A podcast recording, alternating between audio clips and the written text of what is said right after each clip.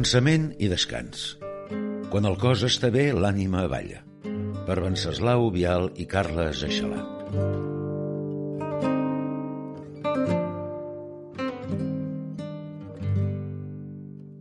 Cinesole Silio, Cansament i descans 1. Una de les inscripcions clàssiques que decoren els rellotges de sol recorda amb una senzillesa desarmant quelcom que sembla una obvietat. Sine sole sileo. Sense el sol estic callat.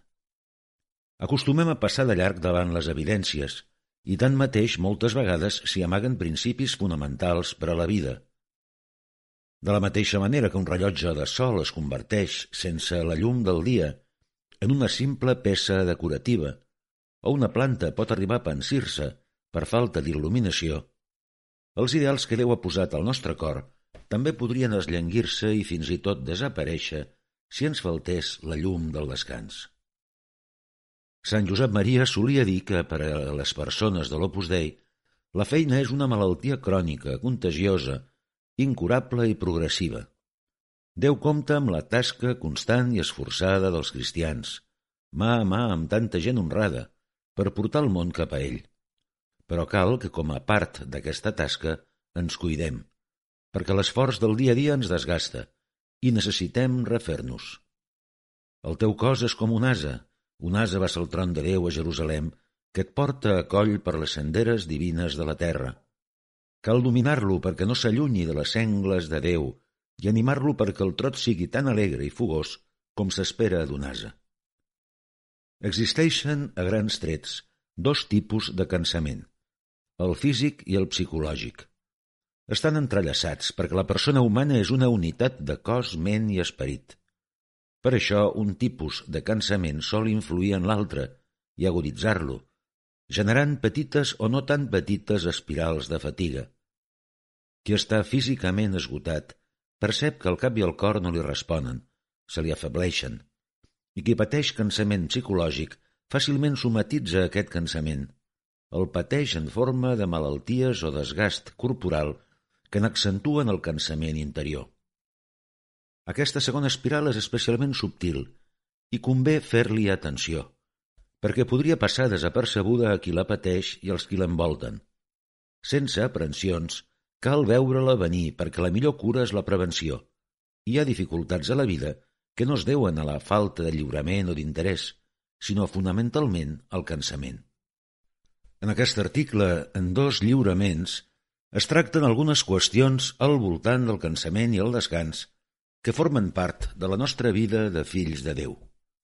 Ell, perfectus Deus, perfectus homo, perfecte Déu i perfecte home, que tenia tota la felicitat del cel, va voler experimentar la fatiga i el cansament, el plor i el dolor, perquè entenguem que ser sobrenaturals suposa ser molt humans. Aprendre a no esgotar-se. Hi ha circumstàncies de la vida que poden resultar especialment desgastadores per a una persona, sobretot perquè habitualment s'han de fer compatibles amb el curs normal de la resta de coses. La malaltia d'un familiar, el naixement d'un nou fill, un període especialment exigent en els estudis o a la feina, una acumulació de problemes de diferent tipus. Aquestes situacions, sobretot si s'allarguen, requereixen defensar temps o tipus de descans, encara que siguin petits, per evitar que el desgast deixi un rastre durador o es converteixi en cansament crònic. El suport dels qui envolten una persona en aquesta situació és decisiu, però també ho és la seva promptitud per demanar ajuda, perquè de vegades pot ser que els altres no siguin conscients de la mesura en què alguna cosa l'està esgotant. Quan es descobreix un descosit en un vestit, moltes vegades és crucial canviar-se de seguida i esperar arreglar-lo, perquè el descosit no es faci més gran o el teixit no es trenqui. La primera i millor manera de descansar és, doncs, aprendre a no cansar-se excessivament, a no esgotar-se. I per aconseguir-ho cal deixar momentàniament en mans d'altres la primera línia del front, encara que pugui costar-nos. Això no significa escatimar esforços ni tornar-se rígids, significa simplement reconèixer els límits d'un mateix i també de vegades desprendre's una mica dels resultats del nostre treball. Déu vol que ens gastem per amor, no que ens desgastem de manera que l'amor s'extingeixi per l'ensorrament de l'edifici, com passa amb la casa construïda damunt la sorra. Decaïment físic. Estàs abatut. Descansa. Para aquesta activitat exterior. Consulta el metge.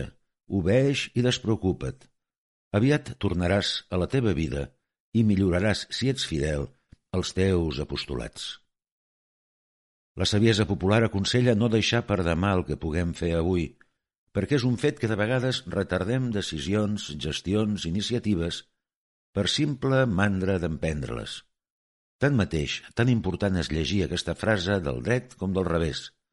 Juntament amb la diligència, per fer les coses, és bo dir-se també deixa per demà el que no puguis fer avui. No carreguis l'avui de més coses de les que pots fer i no deixis per demà el descans que necessites avui. El llibre de la saviesa ho expressa amb decisió. Fill meu, no t'ocupis de massa coses, perquè si les vols fer totes en sortiràs malparat per més que corris, no les atraparàs, i si en vols fugir, no te'n escaparàs. A mi, escrivia Sant Josep Maria, sempre em queden coses per a l'endemà. Hem d'arribar a la nit, després d'un dia ple de feina, amb tasques de sobre per a la jornada següent. Hem d'arribar a la nit carregats, com a ases de Déu. Per això, a l'hora d'assumir tasques, és important distingir la disponibilitat actitud de servei, d'obertura al que ens puguin demanar, d'una responsabilitat excessiva, per la qual intentem respondre a més del que realment podem incloure. En això, com en tot, convé aconseguir un equilibri. No es tracta de fer-se impermeables als imprevistos, freqüents en la vida de cada dia, però tampoc de deixar, en la mesura que puguem evitar-ho, que la vida sencera sigui un gran imprevist. Mesurar les forces. Existeixen persones molt atentes i capaces, a les quals costa molt dir que no a determinades peticions. De vegades prefereixen ocupar-se d'una tasca encara que vegin que no tenen temps o energies per emprendre-la, en lloc de disgustar o quedar malament amb una negativa. Altres vegades l'assumeixen perquè saben, no per presumpció sinó perquè els consta, que poden resoldre l'assumpte millor que altres persones. També hi ha qui, perquè sensible als problemes dels altres, tendeix a carregar-se'ls massa, o qui, perquè té una mirada atenta i profunda als detalls, no aconsegueix acabar les tasques, de manera que se li amunteguen i formen una muntanya que l'aclapara. Els uns i els altres potser mesuren malament les seves forces i els passa com a un carro sobrecarregat. De poc serveix la potència dels cavalls si els eixos del carro es deformen pel pes si en un primer moment aconsegueixen girar, al final es deformarà o es trencarà. Els qui es prenen seriosament la seva feina acostumen a tenir en una mesura o una altra algun d'aquests trets i de vegades es pot produir un efecte pervers que accentua el cansament. Quan algú rarament dona la seva negativa i procura treballar bé, els altres tendeixen a demanar-li més favors. Alguns perquè s'aprofiten de la seva bona fe d'altres perquè no són conscients, de vegades no ho poden ser, de la càrrega que arrossega. Quan el cansament comença a fer-se notar, aquesta persona esclata, potser, o respon amb enuig, irritada amb el món per sorpresa dels altres. Com que cadascú sabia només el favor que li havia demanat i només ella portava el pes del conjunt, la seva reacció els resulta incomprensible. I així algú amb una disposició sincera a ajudar es pot tornar una mica amarg i solitari. També aquí regeix la saviesa del ciràcida. N'hi ha que treballen, es fatiguen i s'afanyen per quedar-se cada vegada més enrere. A la feina cal distingir la generositat de la prodigalitat, per la qual es dona més del que s'ha de donar i s'impossibilita per continuar donant. El present no ha de fer-nos perdre de vista el futur, també el més proper. Cal llegir els signes del cansament. Cal aprendre a llegir en nosaltres i en els altres els signes del cansament. No tothom es cansa pels mateixos motius ni amb els mateixos temps, però els símptomes tenen semblances. Baixen les defenses de la personalitat i les limitacions del caràcter es fan més sortins. Una persona cansada tendeix a veure les coses amb més pessimisme del que li és propi. Qui habitualment és de anar optimista, per exemple, reaccionarà amb una apatia estranya en ell. A qui té una tendència a preocupar-se, se li multiplicaran els motius d'inquietud que el paralitzaran i caldrà ajudar-lo a donar-se que en aquell moment no veu les coses amb objectivitat. Qui potser és habitualment mans reaccionarà amb una brusquedat que potser d'un altre seria simplement un tret habitual del caràcter. Si una persona té al costat en aquells moments de cansament en què la vista s'ennuvola una mica, una mà amiga que l'aconsella amb atenció, sense paternalisme, i procura ajudar-la a conèixer anirà aprenent a llegir ella mateixa els signes del seu cansament, a descansar o a demanar un canvi de ritme abans d'esgotar-se. Que t'és igual tot. No et vulguis enganyar. No t'és igual tot. És que no ets incansable i necessites més temps per a tu. Temps que serà també per a les teves obres, perquè al final tu ets l'instrument. Una mostra d'amistat fina és ajudar els altres, ensenyar-los amb simpatia, sense condescendència, posant-se al seu costat, a dir que no a certes peticions, sense carregar-se per això de remordiments, a descartar projectes que se'ls puguin ocórrer, si no és realista emprendre'ls, a aplicar la proporcionalitat i deixar potser algunes coses menys acabades del que voldrien, a veure que més enllà del que tenen entre mans, en aquell moment, o dels nous fronts que se'ls ocorren, hi ha el deure de descansar. En les últimes dècades s'han fet cada vegada més freqüents els casos de burn-out, estar cremats, o estrès professional, que solen afectar professionals d'àrees de servei, metges, infermeres, professors, sacerdots. Es tracta de persones que viuen amb passió la seva professió, perquè no hi ha res tan apassionant com dedicar-se a servir altres persones, però que es veuen aclaparades per les demandes constants que reben des de fora i des de dins. Com li passa a un cable elèctric que rep tants senyals de les múltiples connexions que al final es crema. Els tres signes del burnout són el sentiment de buit, l'esgotament i la sobrecàrrega. Per prevenir aquestes situacions i ajudar a temps, convé fer atenció a les característiques de les persones. És procliu al burnout qui té trets d'hiperresponsabilitat, perfeccionisme, inseguretat, autoexigència, qui té unes expectatives irreals. L'ambient laboral. Convé fer atenció també a l'ambient laboral o la institució. Com es distribueixen les tasques, com es descansa, quins són els incentius o les recompenses, com és la formació permanent del personal. La distracció en aquests aspectes ambientals o la tendència a donar responsabilitats excessives a persones joves sense dedicar temps a la formació adequada o sense fer-los notar tot allò positiu que fan és un factor de risc. No només l'excés de feina pot provocar un burnout, es desencadena també l'escassedat, o el fet que no es trobi sentit a la feina, perquè un se sent inútil o percep que no es valora el que fa. El sentit, a més, és una cosa que ha de créixer dins de cada persona. No n'hi ha prou amb recordar-ho sense més des de fora, com no n'hi ha prou de vegades amb uns copets d'ànim a l'esquena. Tot i que resulta obvi dir que les persones són molt diferents, la velocitat de la vida pot fer que de vegades es dediqui poc temps i energies a valorar el que podem esperar. Hi ha, per exemple, persones molt capaces de resoldre qüestions imprevistes, de vegades freqüents a les organitzacions. Es diria que fins i tot es diverteixen. Són com els esportistes a qui els agrada el risc. L'imprevist els treu de la rutina, els descansa. Hi ha altres persones, en canvi, que necessiten més estabilitat, perquè no es mouen tan còmodament en el curt termini. El que a d'altres els permet descansar, a elles els esgota. En aquest sentit, és important que els qui ocupen càrrecs de responsabilitat a les organitzacions intentin evitar que una persona, potser molt capaç, tingui un tipus de tasca que li produeix un desgast excessiu. La majoria de gent té una certa flexibilitat i de vegades les limitacions es podran pal·liar amb l'experiència i amb alguns consells, però d'altres serà preferible buscar una altra persona per aquest encàrrec. Totes les feines tenen amargors i de vegades no queda cap altra possibilitat que adaptar-se.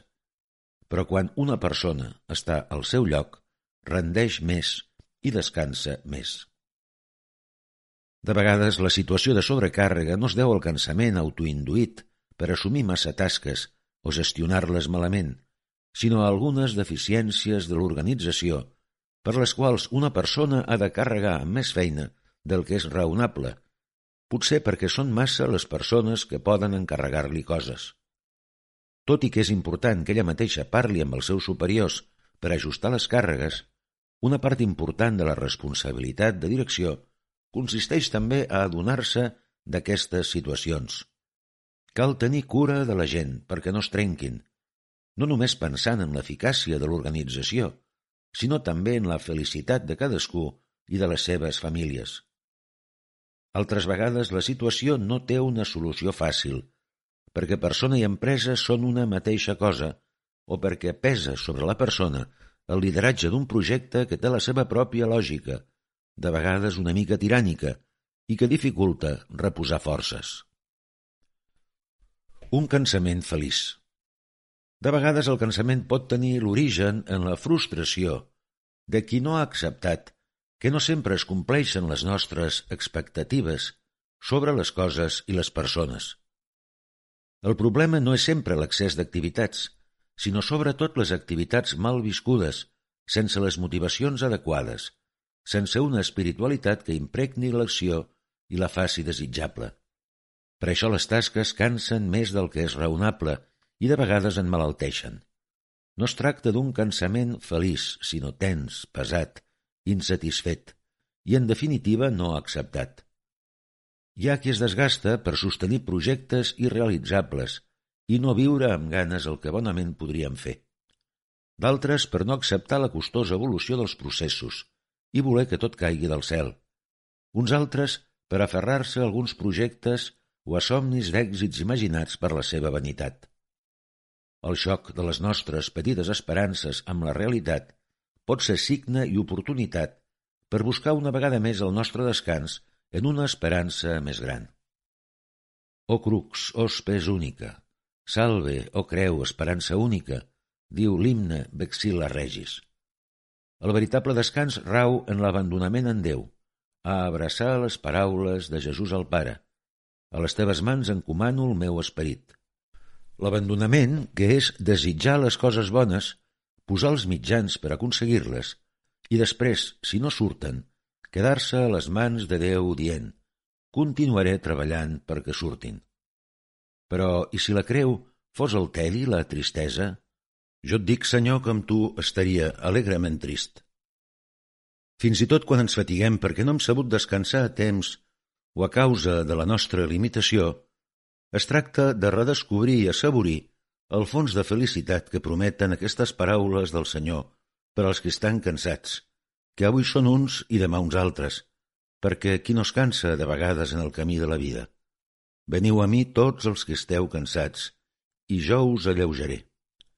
Porteu el meu jou sobre vosaltres, i apreneu de mi que sóc mans i humil de cor, i trobareu descans per a les vostres ànimes, perquè el meu jou és suau i la meva càrrega és lleugera.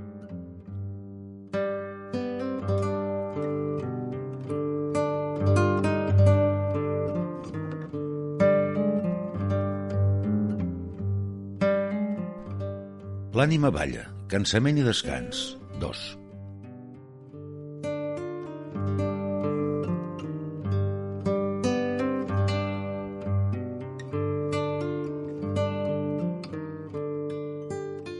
Quando il corpo sta bene, l'ànima balla. Quan el cos està bé, l'ànima balla. La primera vegada que Sant Josep Maria va sentir aquest proverbi italià no li va agradar. Tantes vegades ell havia conegut persones que fins i tot enmig d'un gran patiment físic estaven plenes d'alegria i de pau. El cos està bé encara que estigui malalt i l'ànima balla si es té sentit sobre la vida sobrenatural, deia en una ocasió. Amb tot va arribar a apreciar la saviesa que recull aquest refrany. L'ésser humà és inseparablement cos i esperit, i com l'esperit, segons com tingui l'ànim, pot remolcar el cos o abatre'l, el cos pot ser l'altaveu de l'esperit quan està sa, però també pot ser sordina quan s'espatlla la salut. Si més val prevenir que curar, el descans és una de les millors mesures de prevenció. Com en totes les altres coses de la nostra vida, aquí Déu també confia en el nostre bon fer ordinari. Es tracta d'equilibrar la sol·licitud per les nostres obligacions amb la responsabilitat de recuperar les forces necessàries per continuar-les atenent. Descansar, per això, no és un luxe ni una forma d'egoisme. És una necessitat, un deure. Cuida't, ens diem de vegades entre amics i familiars quan ens acomiadem. Ens recordem mútuament que la nostra salut és un do de Déu, un do per servir els altres que cal protegir sense dramatismes, però amb decisió. El papa ho recorda també amb aquell consell savi i paternal del Siràcida. Fill, en la mesura de les teves possibilitats, tracta't bé. No et privis de passar un bon dia amb sentit comú i bon humor. Dóna'm, Senyor, una bona digestió, i no cal dir-ho alguna cosa per digerir. Dóna'm la salut del cos, Senyor, i el bon humor que em cal per mantenir-la. Dóna'm, Senyor, una ànima sana que tingui davant dels ulls allò que és pur i que és bo, perquè no s'escandalitzi enfront del pecat, ens trobi la forma de remeiar-lo. Dóna'm una ànima que no conegui l'avorriment, ni el remugueig, ni el ploricó ni la queixa, i no em deixis prendre gaire seriosament aquesta cosa que es fica per tot i que anomenem el jo. Dóna'm, Senyor, el sentit de l'humor. Dóna'm la gràcia de riure d'un acudit perquè sàpiga treure un poc d'alegria de la vida i la pugui compartir amb els que m'envolten. Que així sigui. En aquesta oració, que se sol atribuir a Sant Tomàs Mor, es dibuixa amb senzillesa i precisió el to del descans d'un fill, d'una filla de Déu. Sens dubte, aquest sant va experimentar el cansament, perquè a les seves responsabilitats professionals i a la seva vida familiar que cuidava amb delicadesa, se sumava una viva inquietud intel·lectual i una correspondència incessant amb amics i col·legues. Però procurava sortir al pas de la fatiga amb sentit comú i bon humor, perquè tan necessari és donar importància al nostre repòs com treure pes al cansament. Per això Sant Pau aconsella als que ploren que visquin com si no ploressin, i els que estan contents com si no ho estiguessin. És veritat que necessitem descansar, i que de vegades és irresponsable esperar a caure esgotat, perquè mentrestant la nostra salut se'n va ressentint. Tanmateix, tampoc no es tracta de tenir unes expectatives irreals, perquè viuríem en l'ansietat de no poder-les assolir. És bo descobrir el descans també en les petites coses de la vida de cada dia, el millor repòs és el que es dosifica gota a gota, perquè ens ajuda més el rec continu que un xàfec puntual entre molts dies de sequera. Deia Sant Josep Maria que descansar no és pas no fer res, és distreure'ns en activitats que exigeixen menys d'esforç. D'ordinari, si evitem arribar a l'esgotament, podrem descansar així, i amb una mica de creativitat i d'ordre hi haurà vegades en què fins i tot la mateixa feina serà un motiu de repòs. Mentre treballes en una cosa, descanses de l'altra. Aquest és l'esperit de l'Opus Dei. Quan es posa il·lusió en el que es fa, encara que humanament sembli poc atractiu, resulta més fàcil divertir-se amb la tasca. S'aconsegueixen millors resultats i es descansa treballant. La higiene del descans. Del grec, hieinos, saludable, la higiene és un conjunt de mesures que permet conservar la salut. La higiene del son, com se sap, és un principi elemental del descans. El cos humà necessita dormir. Quan li demanem que prescindeixi d'aquest repòs, fa hores extra, treu energies d'on pot. Però abusar d'aquesta flexibilitat podria causar una deformació difícil de revertir, com passa amb una goma elàstica a la qual s'ha demanat més elasticitat de la que veritablement tenia. La necessitat de cuidar-se en aquest aspecte va més enllà del curt termini. No es tracta simplement que després d'una nit sense dormir es perdi lucidesa i energies, sinó que amb el temps la falta acumulada de son genera desequilibris i la salut esdevé trencadissa. Aquí regeix, com en tantes coses, aquell aforisme universal. Pa per avui, gana per demà. Amb tot, pot passar que, malgrat que intentem dormir amb regularitat, Experimentem dificultat per agafar el son, perquè es prolongui durant la nit o perquè sigui veritablement reparador. L'insomni no és en si mateix una malaltia, sinó un símptoma. Quan es presenta, cal buscar-ne les causes, a vegades amb l'ajuda d'un especialista. Els factors poden ser externs o ambientals, com la calor o el fred, els sorolls, l'excés de llum, o interns, com una preocupació que fa patir, un projecte en marxa, un problema respiratori o fisiològic, etc. Com en altres aspectes de la salut, de vegades no es podrà solucionar el problema. A més de continuar buscant alternatives de tractament, serà una oportunitat més per abandonar-se amb serenitat a les mans de Déu. El cansament és habitualment el resultat d'una tensió continuada. El terme estrès, encara que ha designat un estat en el qual la persona es veu sobrepassada per l'acumulació de feina o per una situació aclaparadora, es deriva, de fet, del verb stress, que no té per si mateix la connotació de crisi, sinó simplement d'enfatitzar, pressionar, esforçar. El treball tenaç i constant no és en si mateix dolent per a la salut. Allò que la pot lesionar és la manca de relaxació o una motivació equivocada. Més val un grapat de repòs, diu l'eclesiastès, que dues mans plenes de fatiga i afany inútil. Un es pot cansar innecessàriament a força de no aturar-se, de voler resoldre-ho tot immediatament, d'atabalar-se amb les tasques pendents. Aleshores la feina té molt afany inútil, però la feina concebuda com a fi en si mateix esdevé també anodina i pesada quan un perd de vista que es deu als altres. La tensió muscular que acumulem al llarg del dia es pot deure també de vegades a les presses. La immediatesa de la comunicació electrònica, i la velocitat dels mitjans de transport tendeixen a transferir-se a tots els àmbits de la vida i ens pot portar a viure sempre corrent, a anar per la vida amb cara de pressa. Per això, en la mesura en què depengui de cada un, és molt convenient habituar-se a equilibrar la tenacitat amb la calma. Sortir amb temps per arribar amb temps a les cites amb altres persones. Procurar escoltar els altres sense pensar en el següent que farem tenir paciència amb els retards.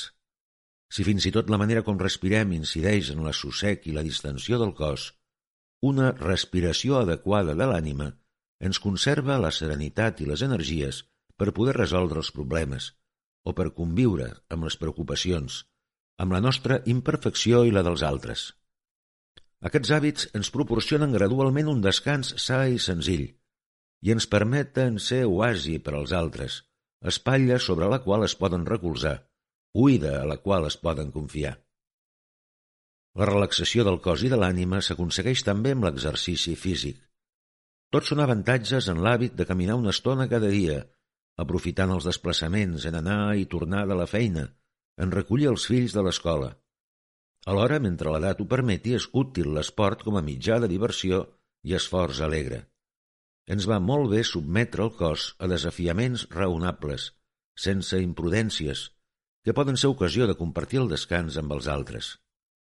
Aquestes mesures senzilles i d'altres que cadascú pot integrar a la seva vida diària conformen una higiene correcta del descans a la feina que ens fa més alegres i eficaços. Renovar l'aire. El descans, en les seves múltiples formes, és un canvi d'aires així com l'ambient d'una habitació tancada es carrega al cap del temps i necessita ventilació, la vida quotidiana, fins i tot quan no implica grans turbulències, cansa. Si no procurem airejar-nos, s'introdueix fàcilment l'avorriment o la rutina. Canvi d'aires no significa necessàriament absentar-se diversos dies, perquè moltes vegades les nostres responsabilitats no ens ho permetran. Una estona d'esport o una passejada o una excursió al camp, a la muntanya, a visitar algun lloc diferent, aclareix el cap i permet tornar renovats a la vida normal. De vegades, per exemple, sorgeixen petits conflictes amb les persones amb les quals vivim o treballem, que es dissolen quan passem unes hores al seu costat, fora de l'àmbit habitual. Altres vegades tenim entre mans qüestions que no aconseguim enfocar bé i que requereixen una mica de distància, passar pel colador del descans. La ficció, a través de la lectura del cinema, la poesia, l'art, aparten també una mica dels problemes quotidians i refresquen, donen un canvi de perspectiva que permet reenfocar la realitat i descobrir la bellesa en les petites coses. El veritable descans no és tan mateix l'evasió. Es tracta de separar-se una mica de la realitat quotidiana per tornar renovat, no de fugir-ne ansiosament. En vista de les formes que pren la desconnexió en els caps de setmana d'algunes persones i de l'estat lamentable en què les deixa, es diria que si tornem del descans pitjor de com hi hem anat, es tracta d'un descans fictici. De vegades un creu que necessita certs alleujaments, potser perquè està a desgrat amb la seva vida quotidiana, perquè fuig de si mateix. Per això convé atrevir-se a identificar en la mateixa vida l'entreteniment que evadeix, però que no descansa veritablement o que fins i tot fa mal. La sobrietat és, en aquest sentit, una bona pedra de toc del descans de qualitat. Sens dubte, l'aspecte lúdic i festiu forma part del repòs, però no convé confondre la festa amb l'excés, encara que s'hagi estès aquesta manera de veure. Resulta molt savi en això també el consell de donar una mica menys del que és just al cos. Festejar evitant la sacietat ajuda a gaudir més de les coses. La sobrietat ens treu l'ansietat que porta a viure pidulant evasions constantment i patint cada vegada que cal deixar-les. Per això és bo, per exemple, prescindir de vegades de la música encara que tinguem possibilitat tècnica de sentir-ne tot el temps. Oblidar-nos per una estona de la nostra connexió a internet per connectar amb aquells que ens envolten, per estar-ne pendents. Qüestionar-se, en definitiva, certs imperatius a què ens submet una oferta constant de possibilitats de lleure que de vegades ens podria treure la llibertat d'un descans senzill i alegre. Un descans obert. El cultiu d'aficions i d'interessos culturals enriqueix la vida familiar i és també una alternativa a l'esport que es pot veure impedit pel temps, per la malaltia o l'edat. No s'és jove tota la vida, i si féssim girar tot el descans al voltant d'esports de gran intensitat, quan arribéssim a una certa edat ens avorriríem i seríem un pes per a nosaltres mateixos i per als altres. Per això convé no esperar que arribi aquest moment per desenvolupar altres formes de descans. Tot i que algunes no requereixen sempre companyia, un fill de Déu les concep sempre des de l'obertura als qui l'envolten. Considera el mateix descans com a part de la seva vida amb els altres i per als altres, i no com una qüestió merament privada. Vistos així, la lectura i el cinema, per exemple, alimenten les converses, fan parlar. La pintura, la jardineria o el bricolatge fan amable la llar. El talent musical de cadascú, encara que no sigui gran, la creativitat a la cuina, l'originalitat a l'hora d'una celebració, amenitzen la vida. El bon descans està obert a la família i als amics. No tindria sentit que arribés el cap de setmana i ens tanquéssim dins la nostra closca, el descans individualista acaba per no alleujar veritablement i produeix una estranya ansietat per escapar-se, que sol ser simptomàtica d'una tensió amb la mateixa identitat de pare, mare, germà, marit, filla. Una cosa són en aquest sentit les ganes de descansar i una altra l'ansietat per descansar. El descans obert és serè i flexible i desplega la nostra identitat. Ens ajuda a ser qui som. En l'exhortació de Sant Pau, alter alterius onera portate, porteu els uns les càrregues dels altres, i així complireu la llei de Crist, podem veure una invitació a tenir cura del repòs dels altres, a descansar fent-los descansar.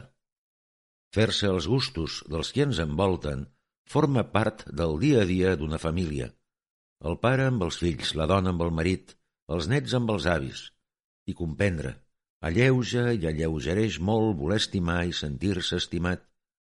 Tenir al voltant gent que ens escolta, que ens comprèn, que es fa càrrec de tot el que és nostre. Si hi poseu amor, cada una de les nostres cases serà la llar que jo vull per als meus fills.